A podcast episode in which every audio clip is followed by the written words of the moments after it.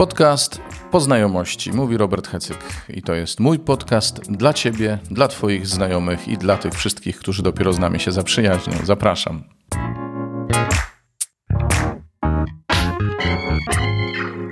Witajcie w kolejnym odcinku. Cieszę się, że jesteśmy razem. Drugi raz już w tym tygodniu się słyszymy, bo po raz drugi mam e, dla Was porcję Słowa Bożego. Wczoraj, w czwartek o 19 mieliśmy tu Eucharystię z udziałem rodziny i przyjaciół Poli, dziewczynki, kolarki, którą pewnie pamiętacie. Modliliśmy się o jej zdrowie. Dzisiaj jest już u Pana i modlimy się za wszystkich, których to jej przejście dotknęło i dziękujemy Bogu za nią, za jej życie, za to, że mogliśmy ją znać. I przede wszystkim słuchamy i uczymy się, co Bóg chce do nas powiedzieć w tej całej sytuacji, jak nas prowadzi. To takie rekolekcje z polą. Gdziekolwiek jesteście ze mną w tym podcaście, czy to słuchając podcastu właśnie w jakiejś aplikacji, czy to na YouTubie, na Facebooku, na Agape, Zostawiajcie znaki po sobie, komentujcie, lajkujcie, udostępniajcie mm, ten podcast, tak żeby Słowo Boże mogło biec, żebyśmy mogli zataczać z nim jak najszersze kręgi. To jest Twój udział w ewangelizowaniu, w dzieleniu się Słowem Bożym. Zapraszam i życzę owocnego słuchania. Zawsze mnie dotyka to słowo, zawsze. Ta Ewangelia mnie zawsze dotyka. Mamy tu, słuchajcie, dwa światy. Spotkały się dwa światy, i można by powiedzieć teoretycznie, że spotkał się świat y, religijny i niereligijny świat święty i świat grzeszny. Tylko to nie jest prawda. Bo dzisiaj zdarzyło się zupełnie coś innego. Wcale się nie zdarzyło, nie zdarzyło sakrum z profanum, e, nie wiem, e, ludzie pobożni z, z, z, z kobietą niepobożną i tak dalej. Zobaczcie, że wcale to zdarzenie nie, nie jest dzisiaj tutaj na tej linii, w tej Ewangelii. Tylko zderzenie dokonuje się na linii Jezus i ta kobieta, a właściwie ta kobieta prawie że nie uczestniczy w całej sytuacji, a przynajmniej nic nie mówi, i pobożni ludzie. Ha? Jezus nie stoi po stronie pobożnych ludzi. Jezus stoi po stronie tych, którzy go potrzebują, to raz. Stoi po stronie tych, którym może przebaczyć, tych, którzy płaczą, on tam jest. Tam jest Jezus. I jest taki stereotyp właśnie, nie? Religijności pewnej, nie? Że religia to ma pewne zasady, tego nie wolno, tamto wolno, to jest dobrze. No dobrze, dobrze, wszystko prawda jest, że jakoś to też bierze się z Ewangelii i tak dalej, i tak dalej, są przykazania, tylko że osią naszego e, życia z Bogiem wcale nie są zasady i prawo, tylko więź z Jezusem, relacja, taka ludzka. I ta kobieta przyszła do Jezusa z całym zaufaniem, z całym zaufaniem, że On ją nie, nie że pochwali, ale że ją przyjmie, że ją przyjmie. I słuchajcie, mm, my dzisiaj ja wiem, że to pozornie nie dotyczy tematu poli, ale my się powolutku zaczynamy już, e, choć to ona nas tutaj zaprasza, my się powoli zaczynamy rozglądać po tym miejscu, gdzie ona jest.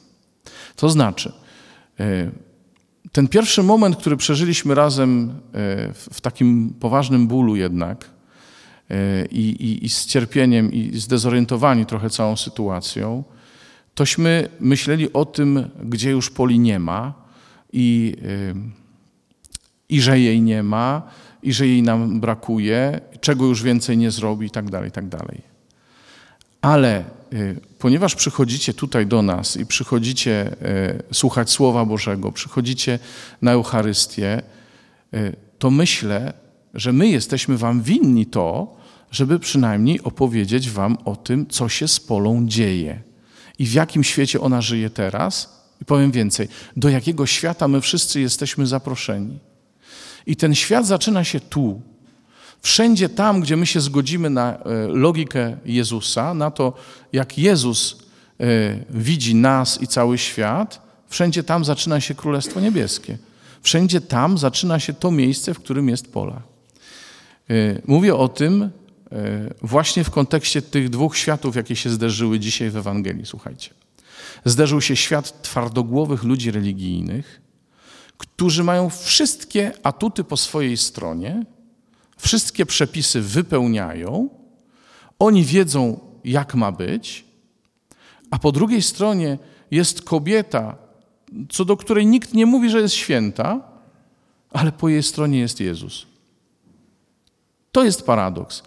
Więc y, jeśli kiedykolwiek y, miałeś takie y, przekonanie, że nie wiem, religijność to jest coś obcego tobie, to ja bym się dwa razy zastanowił, bo to nie jest kwestia tego, czy ktoś wierzy, nie wierzy na zasadzie, ma głębokie przekonanie i tak dalej, ale trzeba sobie zdać sprawę z tego, że nawet jeżeli my nie jesteśmy przekonani do Pana Boga, do Jezusa, to On jest przekonany do nas. To jest ciekawe. On jest przekonany do nas, dlatego że wie, że go potrzebujemy, tak jak tamta kobieta go potrzebowała. On się jej nie zapytał e, o to, czy wie, które przykazanie złamała. Nie. On widział jej łzy, wiedział, że jakoś cierpi, coś w niej było takiego, co go e, rozbroiło.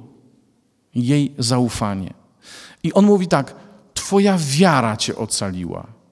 Ale jaką wiarę miała ta kobieta? Nie wiemy nic o, o jej zaangażowaniu, nie wiem, o jej wiedzy religijnej, o, o tym, jak często bywała w synagodze. Nie, wie, nie wiemy. Wiemy tylko, że płakała z zaufaniem u stóp Jezusa i że go uczciła jak potrafiła.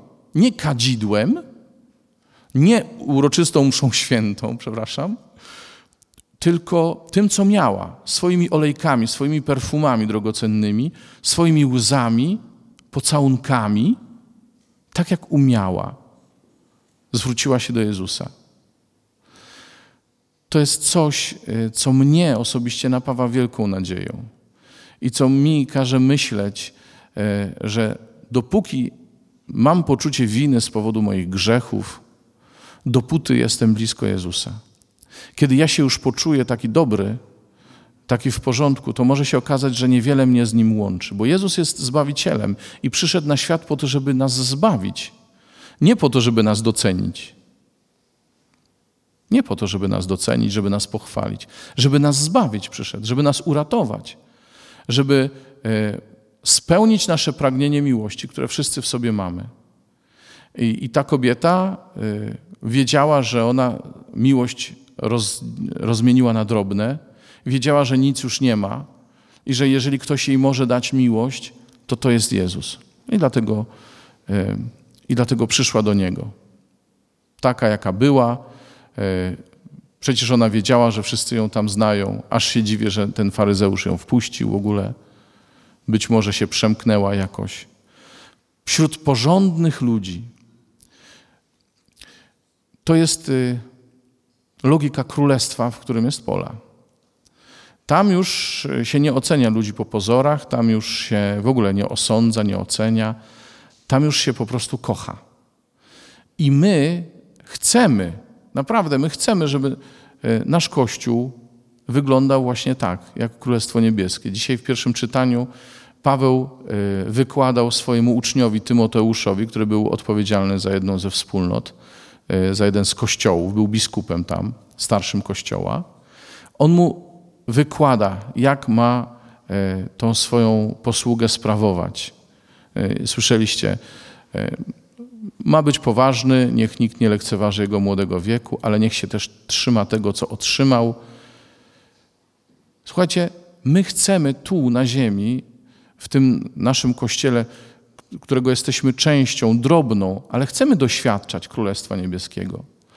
E, dlatego zawsze jesteście tutaj zaproszeni, zawsze jesteście tu mile widziani, bo my razem z Wami chcemy się poczuć e, tym skrawkiem nieba i chcemy ten skrawek nieba rozpościerać wszędzie. Nie chodzi o to, że my jesteśmy tu lepsi od innych, tylko że my wychodząc stąd możemy ludziom dawać też nadzieję, możemy ludziom mówić o tym, co Bóg do nas powiedział, co zrobił w nas, że nas Bóg nie osądza, nie ocenia, tylko zbawia. To znaczy, e, wiedząc o tym, że jesteśmy grzesznikami, przebacza nam i kocha nas.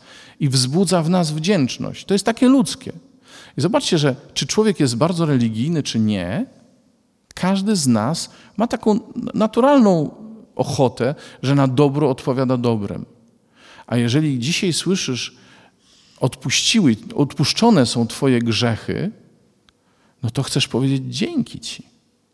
Jeżeli dzisiaj słyszysz, nie potępiam Cię, no to się rozpływasz, że ktoś wreszcie nie patrzy na ciebie przez pryzmat twoich słabości, twojego e, nawet grzechu, czy, czy tego, co, co ty w sobie sam, sama e, potępiasz, nienawidzisz tego. Bóg tego nie nienawidzi.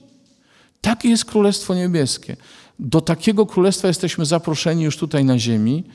E, takie królestwo jest udziałem już w stu procentach, w pełni w, w życiu Poli. I myślę sobie, że to, to jest jakaś wielka tajemnica, że my tu możemy doświadczać tego obcowania świętych. To znaczy tego, że tam, gdzie Pola poszła przed nami, my jesteśmy zaproszeni, żeby, żeby to królestwo już tu trochę ściągnąć na ziemię.